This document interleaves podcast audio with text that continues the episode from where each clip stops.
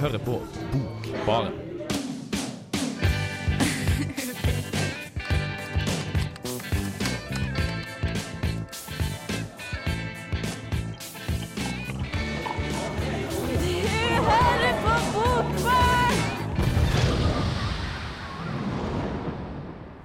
Hjertelig velkommen til Bokbaren. I kveld, foruten med Siri og Johannes, også gjest Fredrik. Hallo. Hallo, Fredrik. I'm back. You're back, ja. Du har jo vært med før, du. Jeg var her eh, i forbindelse med Dante-sending, og er her tilbake. Også i en temasending. Dante-sendinga i fjor høst, ja. Yes. Nå er du tilbake. For det at i dag så har en- er nemlig temaet vårt havet. Uh. Og Og, og sist, eh, når du var på dansesendinga, Fredrik, så uttalte du jo at eh, Eller du erklærte deg sjøl for amatørekspert på italiensk litteratur. Så jeg lurer, er du amatørekspert på, på litteratur som tematiserer havet òg, eller? Det er helt Ja. korrekt. Ja. bra. Jeg er eh, rett og slett amatørekspert på veldig mye. Det er jo et fantastisk begrep, da. Amatørekspert. Ja. Så ja, jeg kan ikke si nei til det.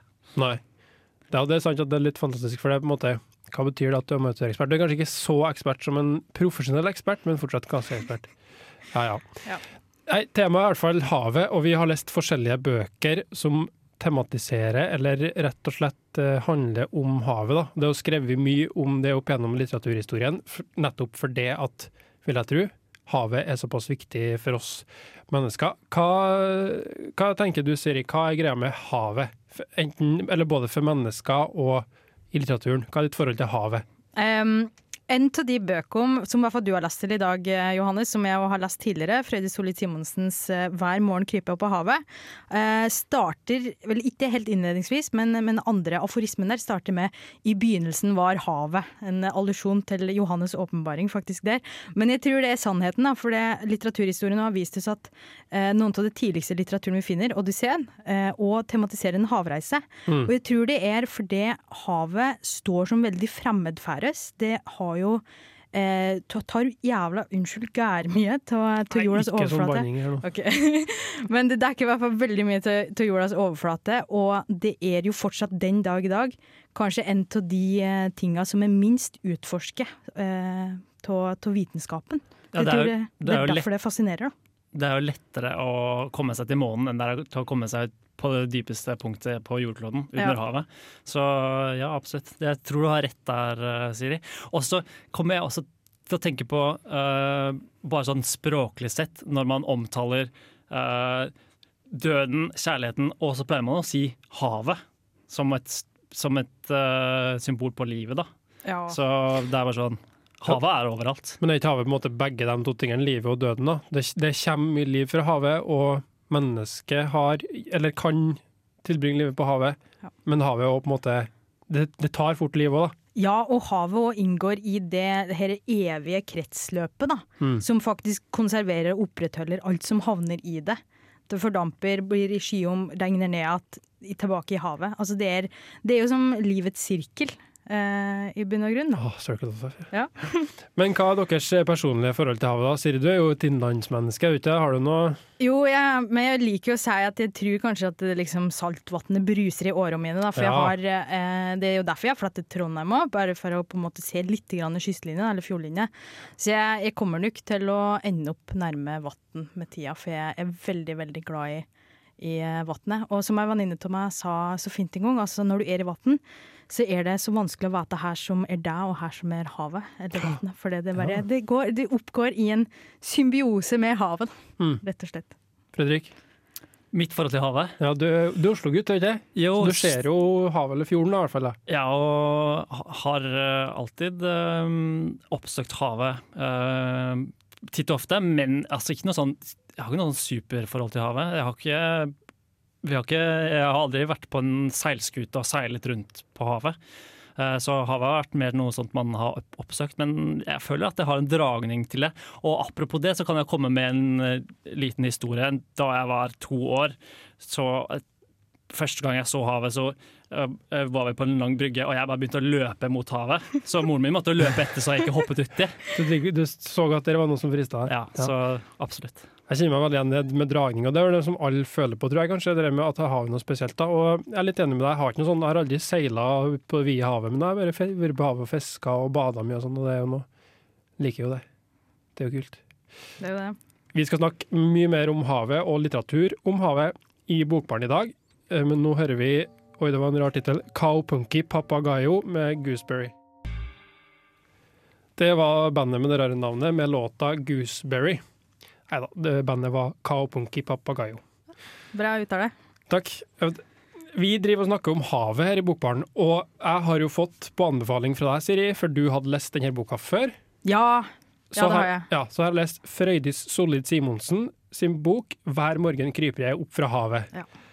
Hun, uh, Frøydis Solid Simonsen hun har, hun, hun har utgitt et par bøker til, blant annet en, på Flamme, eller en boksingel på Flamme forlag, har jeg sett. Ja. Men her er vel den hun har fått mest omtale for, da, for den fikk veldig mye skryt av anmelderne da den kom ut i 2013. Jeg trodde det var debuten hennes, men det er ikke det? Jo, det er mulig den kom først, da, men hun har en bok etter det, tror jeg. Ja. Som sagt, Flamme. Og så er hun òg tegneserieskaper, Ja. leste jeg. Mm. Så hun drev jo med litt forskjellige prosjekter. Mm. Den boka her, den kan vi si at uh, Du kalte det en punktroman, Siri, tidligere. Ja, eller jeg spurte da, da om du lurte på Eller jeg lurer på om det kanskje er en punktroman. For Ja. punktromanen er jo på en måte satt sammen av korte prosastykker som også kan fungere litt slik som eh, ja, tankevekkende refleksjoner, da, såkalte aforismer. Og som ofte settes sammen til et større narrativ, men som kan fungere godt som seg sjøl, da. Mm. Nå er du inne på noe der, altså, for det er jo nettopp det med korte tekster her som ja, Jeg tenker på som små glimt av forskjellige situasjoner og forskjellige stemninger. da. Det, men det mest tydelige grepet i boka her er jo nettopp eh, måten å bruke naturvitenskap på, tenker jeg. Mm.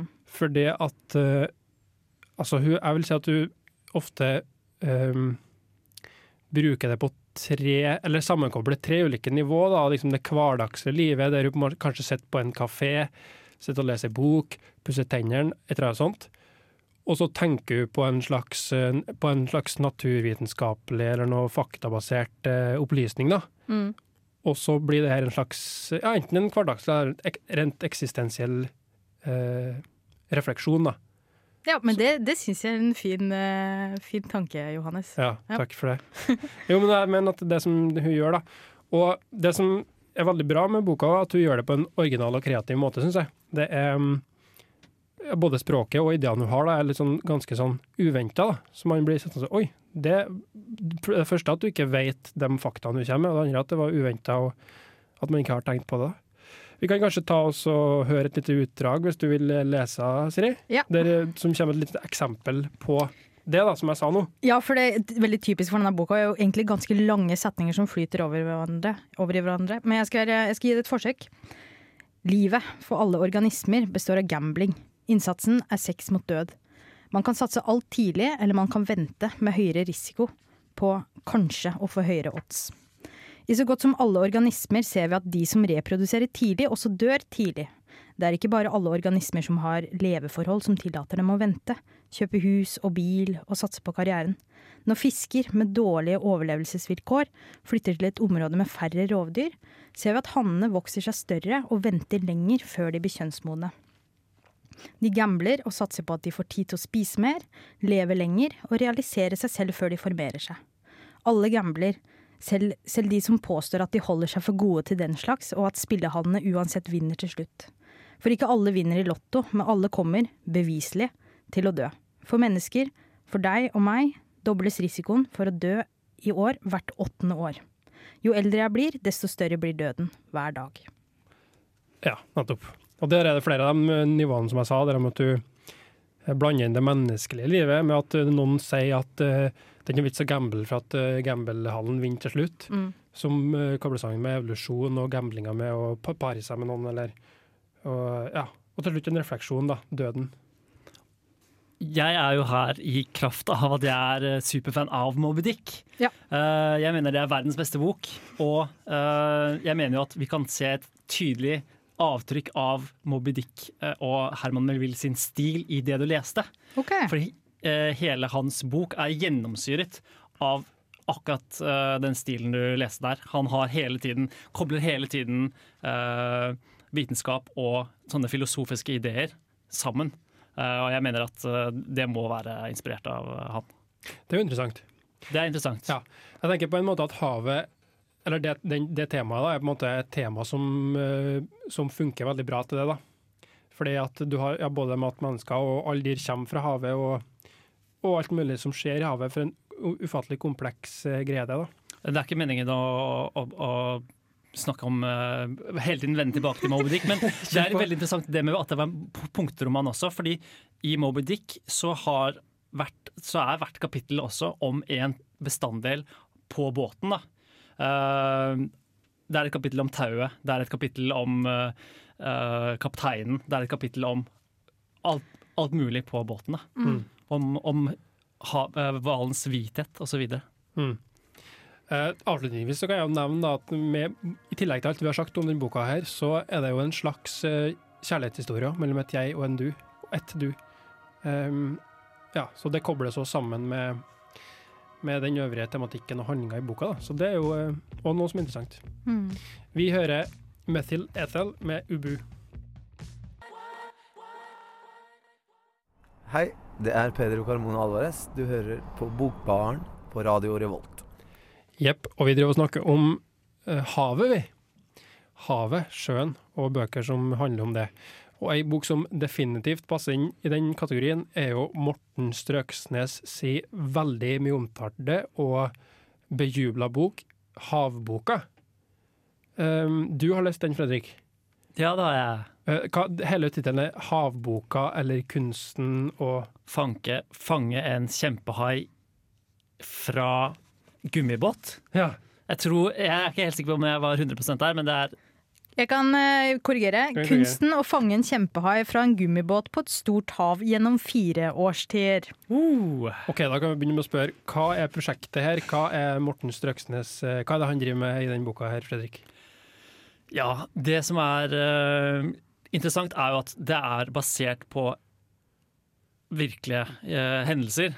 Uh, Den er ikke skjønnlitterær. Den er ikke skjønnlitterær. Det er en, det er en fiksjonell greie mot slutten, men uh, så å si hele boka er jo da basert på uh, ting han har vært igjennom, og han er jo egentlig en journalist. Så han har oppsøkt da Hugo Åsjord, eller han er vel mer en venn, kunstner. eh, og de to blir enige om å, om å fange en, en eh, kjempehai, en, en håkjerring, som det heter. Som er en helt grusom hai som lever nederst på havdypet. Som har sånne parasitter som lever på øyet, som er selvlysende. Så den ser, sånn, den ser helt forferdelig ut. da. Jeg tror aldri jeg har sett ei håkjerring sjøl, men jeg har hørt mye om den, ja, for det finnes jo i fjordene her i, i Trondheimsfjorden og sånn òg. Og jeg tror er ikke det nærmeste vi kommer en hai i Norge. liksom. Den er ikke så stor, men den er litt sånn hailignende. Den eh, kan vel bli større enn hvithaien, tror jeg, men den fins? Jo, jo, det du mener det, det sto det, for jeg har lest litt i havboka, ja. Jeg Oi. mener det sto det, altså. Okay. Men uh, den fins i vannet utafor norgeskysten, ja. Så Ja. det, med jevne mellomrom så er det vel noen som drar opp ei håkjerring i ny og ne i garnet sitt. ja. Så det er, på, det er, hvis vi kan kalle det plottet her, da. Han, eh, han og han, en venn prøver å jakte, jakte på en, eh, en, en håkjerring. Ja, men det vil jeg si kanskje er mer karakteren i boka sitt uh, prosjekt. Mens jeg vil, som forfatteren Morten Strøksnes jeg føler egentlig ikke at den historien om å finne, uh, finne eller fange haien da, er kanskje så spennende. Uh, og det er kanskje det som er mer spennende, er all den faktaen han har oppsøkt, eh, som han fletter inn i historien, og som tidvis tar over historien helt. Og kommer med sånne lange utregninger eh, om havet, eh, som er mer interessant. Og siden han er journalist, så tror jeg det er en veldig smart måte å på en måte presentere fakta til publikum. Det høres ut som en veldig likhet med den boka som jeg og Siri hadde lest, som vi snakka om i stad. Sol, eh, Freddy Solli Simonsens eh, 'Hver morgen griper jeg opp av havet'. At det er samme grepet han gjør. da. Har en rammefortelling, og så bruker han fakta. Ja, men det her er det et mer sammenhengende narrativ, da, der uh, Solli Simonsens bok var en punktroman, som vi kanskje ble enige om. i- Ja. men, eh, men her så Det som òg er så mesterliggjort da, nå har, har som sagt ikke kommet gjennom hele, så jeg håper ikke vi har tenkt å spoile. Eh, men eh, det som er så mesterliggjort her, er at det kunnskapen bare sys inn i, inn i, inn i den her historien, da, der Solli Simonsen i større grad tematiserer at her er det fakta. Mm. Så blir det her en del av historien, en nødvendighet, da, for Ja. å på en måte fortelle historien om da de fanga en håkjerring. Mm. Det er jeg helt enig i. Altså, akkurat det du sier der, er kanskje det som er på en måte hans uh, virkelige genistrek med boken. Er å flette dette sammen til, til en helhetlig historie. Så selv om jeg personlig syns den historien om det å fange denne håkjerringa kanskje ikke er så spennende, så er det måten han har skrevet det på som, som gjør det boka absolutt verdt å lese. Da. Mm. Men hvis du kan si noe mer om hva er forskjellen mellom virkelighet og fiksjon? her Da? Er det på en måte Ja, hva, hva er det? Ja, eller Vi kan jo først bare gi litt kjøtt på beina til debatten. for det Strøksnes også, Vi har jo prata mye om virkelighetslitteraturen i, i Bokbaren i høst. Og det, det er vel spørsmålet her er på en måte har vært Er boka sakprosa, eller er det skjønnlitteratur? Mm. Ja, jeg, jeg vil si det er sakprosa. Ja. Uh, altså, det er en liten fiksjonell greie der. og eh, han iscenesetter seg selv som om han var en romanfigur, men i bunn og grunn så vil jeg si at det er sakprosa. Det han har å komme med, er egentlig fakta, liksom. Ja. Mm, så han bruker virkemidlene fra litteraturen. Men Ja. det er interessant. Men man kan jo nesten si at det er, nærmer seg gonzo-journalistikk. da. Ja, kult. Så et siste spørsmål, kanskje. Hva lærte du av boka? Ma altså, det, er så, det er så mye, så jeg vet ikke hva jeg skal trekke fram. Eh, Masse. Kanskje ikke, ikke søk etter olje i Lofotfjorden. Det, er- Det, det var det du lærte. Ja. så det, det får han fram. ja, det får han absolutt fram. Det- Moralsk budskap. Ja. Ja. Vi skal prate mer om havet og litteratur om havet. Etter først As He Said med låta Kid og en liten pause etter det, så er vi tilbake. This is Alan Moore, and you're listening to The Book Bar. Sjølveste Alan Moore, og du hører på Bokbarn, ja. Vi driver og prater om eh, havet her i Bokbarn. Det er jo mye å si om det havet. Stort og blått og gir og tar liv, snakker vi om. Um, nå har vi prata om ei bok som bruker mye fakta og naturvitenskap. Ei bok som, ja, eller to, da, egentlig, og ei som på en måte er mer faglitterær. da. Men nå skal vi over til en, altså en klassiker i verdenslitteraturen. Som er rent skjønnlitterær, må vi kunne si, eller? Ja, den er eh, 100 skjønnlitterær, vil jeg Ja, si. Herman, Herman, Herman Melvilles Moby Dick. er, yes. Den er verdens beste bok, som jeg sa tidligere. Så du har, kåret til det, Ja. på din kåring. Jeg er jo ikke, jeg er ikke noe fan av, eh, av eh, folk som liksom postulerer én bok som den verdens beste, men eh, jeg liker å ha en favorittbok, da, så jeg kan kanskje si det er min favorittbok. Det er kult. Så du postulerer den som verdens beste? Ja. Jeg tenker egentlig motsatt av deg, Fredrik, for det er, det er nesten ingen, og i hvert fall ikke meg sjøl, greier å ha noen favorittgreier. Enten det er um, eh, favorittmat eller favorittbok. Det er bare sånn, nei, det er så mye, men det er så derfor er det litt kult å ha én. ja. Det jeg liker å ha liker å ha på en måte et, en bok å fordype meg skikkelig i, og så kommer det en ny bok og tar over. Ja. Men, eh, så vi får se hvor lenge Moby Dick holder, holder seg på eh, nummer én.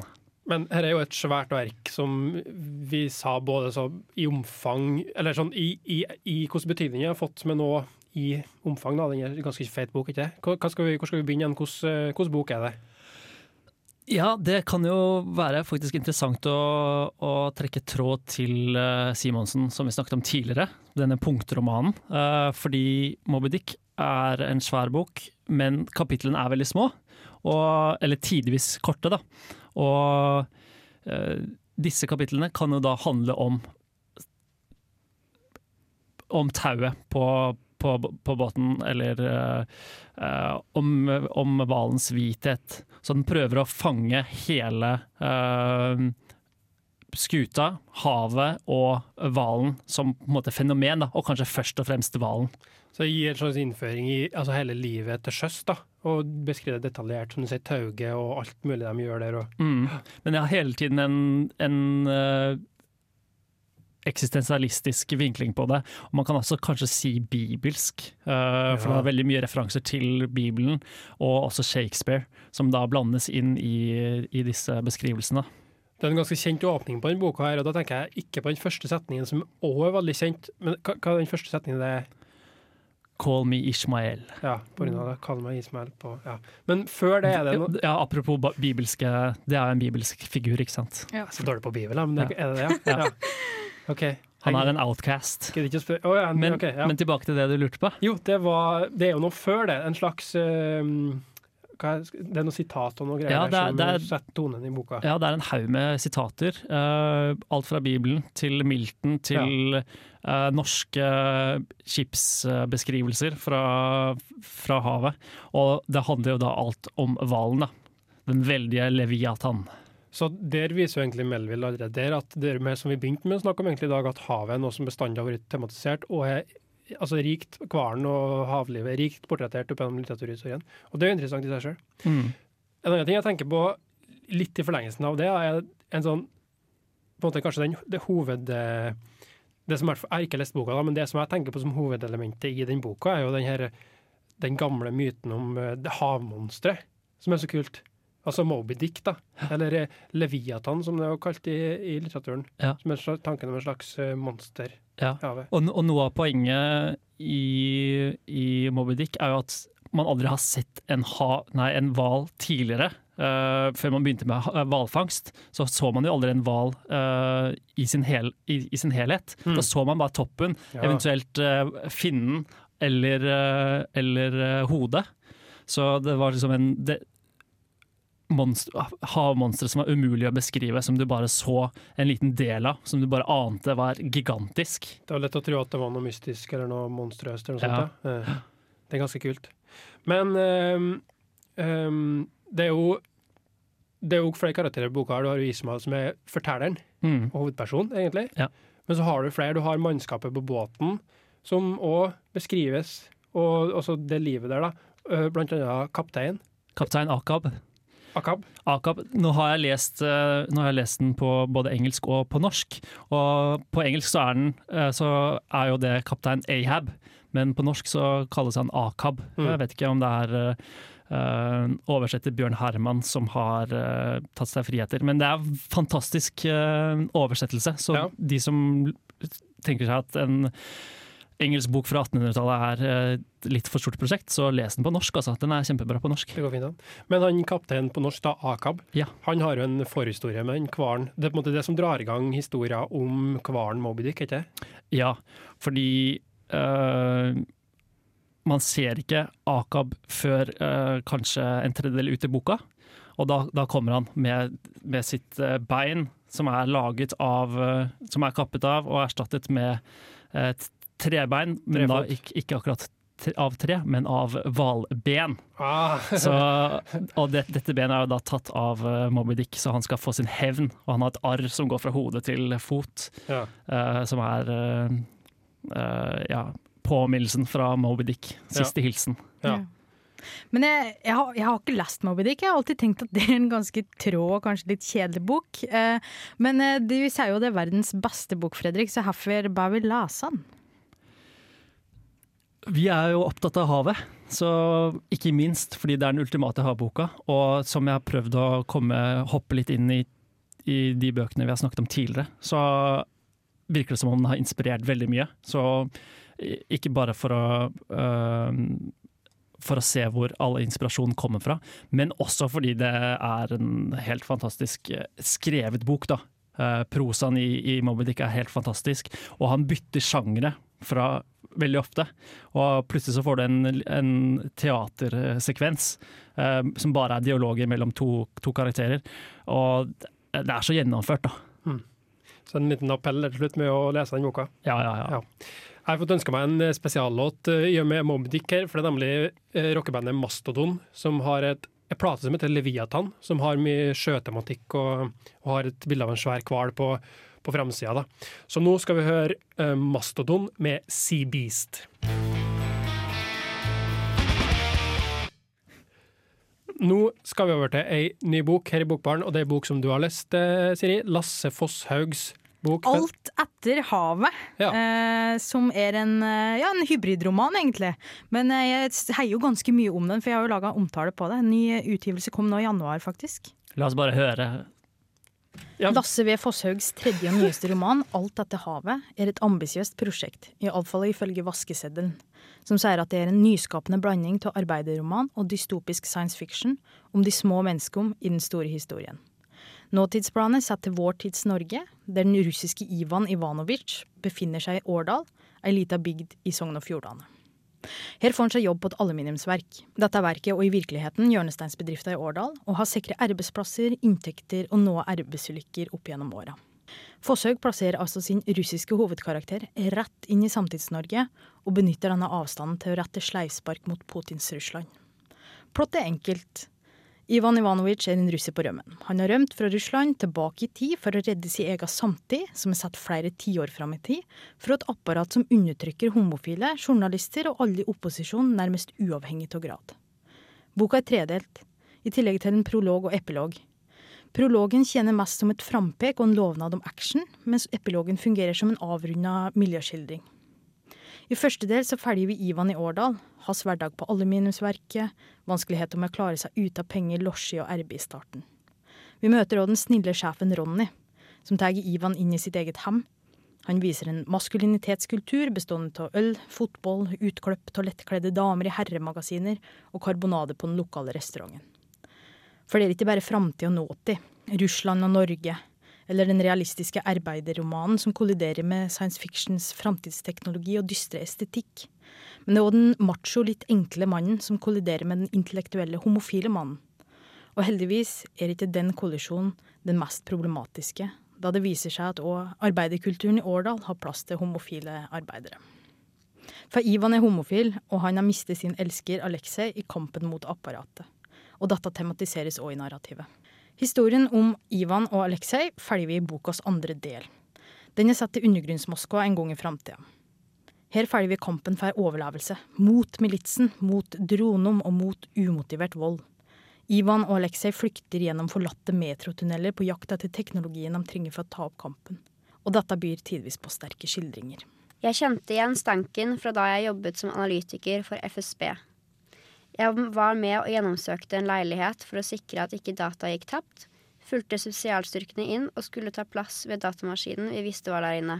Men lukten som møtte meg da jeg trådde over dørstokken, var så intens at jeg gikk rett i bakken. To soldater i gassmaske hjalp meg opp, ga meg en maske så jeg kunne gå inn, tråkte over de markfengte levningene som lå halvveis på kjøkkenet, halvveis på gangen, og skritta inn på soverommet der maskinen sto. Jeg kaldsvettet mens jeg startet maskinen fra den eksterne harddisken jeg hadde i lomma, og lastet over innholdet. Sannsynligvis var det kryptert, men var jeg heldig, klarte jeg å finne passordet i annen overvåkningsmateriale. R-Sync fullførte på noen minutter, og jeg stakk harddisken i innerlomma og fortalte sersjanten bak meg at jeg var ferdig, og at han kunne eh, slutte å sikte på hodet mitt med maskingeværet sitt. I etterkant fikk jeg vite at hele etasjen måtte kondemneres. Bokas tredje del blander i større grad de to tidsplanene, der vi primært befinner oss i Årdal. Det blir tydelig at målet til Ivan er å drepe en arbeider på verket, som i framtida skal inngå ei avtale som vil tilby Hydros livsutslettende teknologi til det totalitære regimet som regjerer i Russland, dette såkalte apparatet. Og her så tiltar konflikter og spenninga øker. Som jeg sa innledningsvis, så er det et ambisiøst prosjekt. Det her å blande arbeiderromanens høgst realistiske form og krav om troverdighet med science fiction-sjangeren som nettopp bryter med de her gjeldende forventningene om her som skal være sannsynlig. Og det fører til enormt mye koloritt, tidsrekvisitter og markører, da begge de her universene må beskrives utførlig, både for å treffe sjangerkonvensjonene og for å skape romanens tid og rom. Plottet er derimot spenningsfylt, med mye hendelser og en kamp for overlevelse, og det kunne vært tjent med ytterligere konsentrasjon. Kombinasjonen av sjangere krever en sømløshet som romanen dessverre mangler. Den blir oppstykket med kolliderende univers i det forskjellige tidsplan, kjønnstyper, kulturer og sjangermarkører skal settes sammen til en og samme historie. Typisk for Flamme forlag, som har utgitt denne boka, er òg kortprosaformen som preger narrativet. Narrativet deles opp i korte utdrag fra hverdagen, flukten og hendelser. Bruddet i kronologien, altså det her tilbakeblikket i eh, bokas andre del, er òg med på å punktere romanens driv. Det blir fortalt i historisk presens med en viss intensitet, og med en hyppig bruk av Inmedias race. Men vi veit allerede at Alexei er borte. I andre del av boka får derimot sci-fien skinne sterkest, med tidvis utførlige skildringer som òg bidrar til en eh, egentlig ubalansert variasjon i romanens fortalte tid. Allikevel så syns jeg at boka er vanskelig å legge fra meg. Det er en jevn spenning, og alle frampeker tilsier at ei løsning på konflikter vil komme. Store deler av boka går med på å undre meg over her Ivan har gjort, her som har skjedd med Aleksej, og om Ivan kommer til å nå målet sitt. I tillegg så glimter fortelleren tidvis til med gode observasjoner og refleksjoner over her det vil si å være nettopp et lite menneske i en stor historie. Her vil det si å være en homofil russer på rømmen fra et svært apparat som ikke skyr nåmidler. Denne krigserfaringa får ikke mye plass, til tross for eh, mye miljøskildringer. Men når fortelleren først tær å drøfte og dvele ved det, og meningsløsa knytta til dette her, så er det stort sett godt. Det var alt som krevdes, bare dette. Et 9 mm stort prosjektil som bryter en kranievegg i 400 meter per sekund, skjærer seg gjennom tanker, minner og personlighet uten anger, helt uten tanke for hva vedkommende gledet seg til, drømmer, visjoner og verdenssyn. For så å trenge seg gjennom nok en kranievegg, dra med seg tankene, minnene og personligheten ut av hullet og etterlate dem i en pøl på gulvet. Alt i alt så innfrir boka delvis. Det er en kombinasjon av en arbeiderroman og en science fiction-roman. Det problematiske er de her kolliderende universum som aldri får en fullstendig forløsning. Og vi blir sittende igjen med et veldig todelt narrativ. Men allikevel så er det en utrolig spennende bok som evner å tematisere det lille mennesket i en stor historie. Og ikke minst evner boka å komme med noen velretta spark mot Putin. Eh, Ja, jeg heter Dag Solstad, og dere hører nå på Bokbaren, og der er altså jeg. Nei, Dag Solstad er ikke her, men det, var, det er i hvert fall Bokbaren du hører på. Og i dag så driver vi og prater om havet, og litteratur om havet. Og sånn som jeg og Fredrik sier, så har du lest en bok om havet som jeg og Fredrik syns hørtes spennende ut, med den blandinga som vi hørte i anmeldelsen i stad. Ja. Med sci-fi-roman og arbeiderrealisme, var det det? Arbeiderroman. Ja. Sci-fi og arbeiderroman. Typisk arbeiderroman, ja. Mm. Med realismen der, da, var det ikke sånn? Jo. Ja, ja. Men du var ikke så positiv. Nei, jeg er i grunnen ikke det. Uh, for som jeg sa i anmeldelsen nå, så syns jeg at det, hele, den her arbeiderromanskoloritten og den her dystre estetikken For du må nødvendigvis uh, virkelig utførlig beskrive det her forskjellige universum for at det er det de skal få liksom, etablert seg òg, da. Og det, blir, det punkterer drivet så fælt, for det er egentlig et, Jeg ville kanskje kalt det en slags sånn spenningsroman, da, for den, den hele tida er progresjonen på vei til en annen form for spenningstopp. ikke sant? Det, blir, det skal konflikter her, og det skal løses på en eller annen måte. Ja. Veldig typisk. Altså det er et det, Narrativet er på vei en plass, liksom.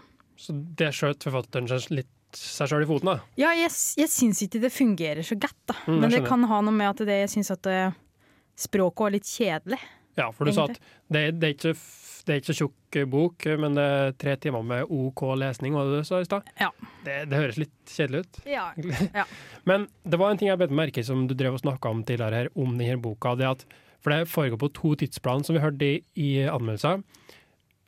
Og der For han reiser tilbake i tid, Ja. og så er det framtida, det er sci-fi-delen. Mm. Men det er der han reiser tilbake i tid, som er ført her til nåtid, var ikke sånn? Jo jo, det er Norge i dag, liksom. Ja. Så, det er, eh, så han sitter på internett, han Ivan Ivanovic, og sjekker debatt om, om Putin. Da. Så det er mye sånn te teorier rundt hans styresett og, og Russland og utenrikspolitikken og deres plass i dagens samfunn. Da. Så det er litt spennende, da. Sci-fi ofte da det er framtid, og så tematiserer det verden vi har her nå. Ja. ja. Gjennom det arbeiderromansplanet, da. Ja. Det høres ut som en forfatter som prøver seg på noen utradisjonelle grep, da. Som gjør litt uh, nye Ja. ting. Ja, ja, så det bærer jo absolutt belønnes for òg. Og de to tidligere romanene hans, den første debutromanen, som er en arbeiderroman, og Nare er, eh, er en sci-fi-roman. da. Så her kombinerer ah, en da. så tenkte han nei, nå har ikke noen flere ideer. Nei. Hva gjør jeg da? Ah, blander jeg det jeg har fra før Ja. i en ny roman? Mm. Ikke så dumt. Nei. Men kan vi, altså tittelen Vi har snakka så mye om havet i denne boka, men tittelen er jo 'Alt etter havet'. Ja. Hva er det å si der, da? Eh, det, er, eh, det er ting å si, men jeg har egentlig ikke lyst til å si dem nettopp, for da kommer jeg til å spoile hvordan det ender. For Oi. havet spiller da en stor rolle i hvordan denne konflikten utspiller seg, og hvordan løsninga da får, eh, får plass. Ja. Så eh, havet er til stede Mm. i romanen, Mm. som mest som i kraft til å være en plass der du kan ro. Eh, mer enn det sier jeg ikke. Nei. Jeg får litt sånn, Nå skal du slippe å spoile, men jeg får litt sånn assosiasjoner til apokalyptisk stemning. Når det er etter haven. Hvis havet ikke er der, liksom. det. Tenkte det samme. Du gjorde det? Ja. Hm. Havet er borte, tenkte jeg. Ja, Ja. Nei, havet forsvinner ikke, Nei. gutter. Nei. Det er kanskje litt uh, snurrig det at, eh, han har greid å skape et prosjekt, han forfatteren her, Lasse Fosshaug, som høres interessant ut, men eh, ja, som kanskje ikke er gjennomført så bra som man skulle håpa. Jeg tror det er mye litteratur jeg, som har uh, lidd Ja, samme skjebne. ja. Mm. Man har en god idé, men klarer på en måte ikke å skrive det Mm. så Mm. interessant. Ja. Vi har nå i hvert fall prata mye om havet og litteratur her i Bokbaren i dag, og det er tydelig at det er to tema, eller det er et tema da, som eh, går igjen i mye av litteraturhistorien. Mm. Eh, oppsummer, nei, avslutningsvis så um, har du, Siri, med deg et dikt. Var, Ja. var det et favorittdikt, var det? Ja, et av mine favorittdikt. Ja. Jeg har de flere favorittdikt, uh, men dette er et av dem. Uh, for vi, vi skal jo uh, vi skal jo lansere en ny spalte neste uke, Ukas dikt, så jeg Ukas tenkte jeg skulle foregripe det og trekke på tematikken. Så jeg Mhm. har med meg en haiku av den svenske dikteren Thomas Tranströmer. Og gjør det klare, for det her er fantastisk. Stor og langsom vind fra havets bibliotek. Her får jeg hvile. Mm, Flott. der tenker jeg. Ja, det var Transtrømmer er fan. Transtrømer. Ja. Ja. Det var det vi hadde om hav og litteratur her i Bokbarn i dag. Eh, takk til Siri. Ekstra spesielt takk til vår gjest Fredrik. Tusen takk for at jeg fikk komme. Og takk til vår eh, eminente tekniker Rebekka. Ha det bra.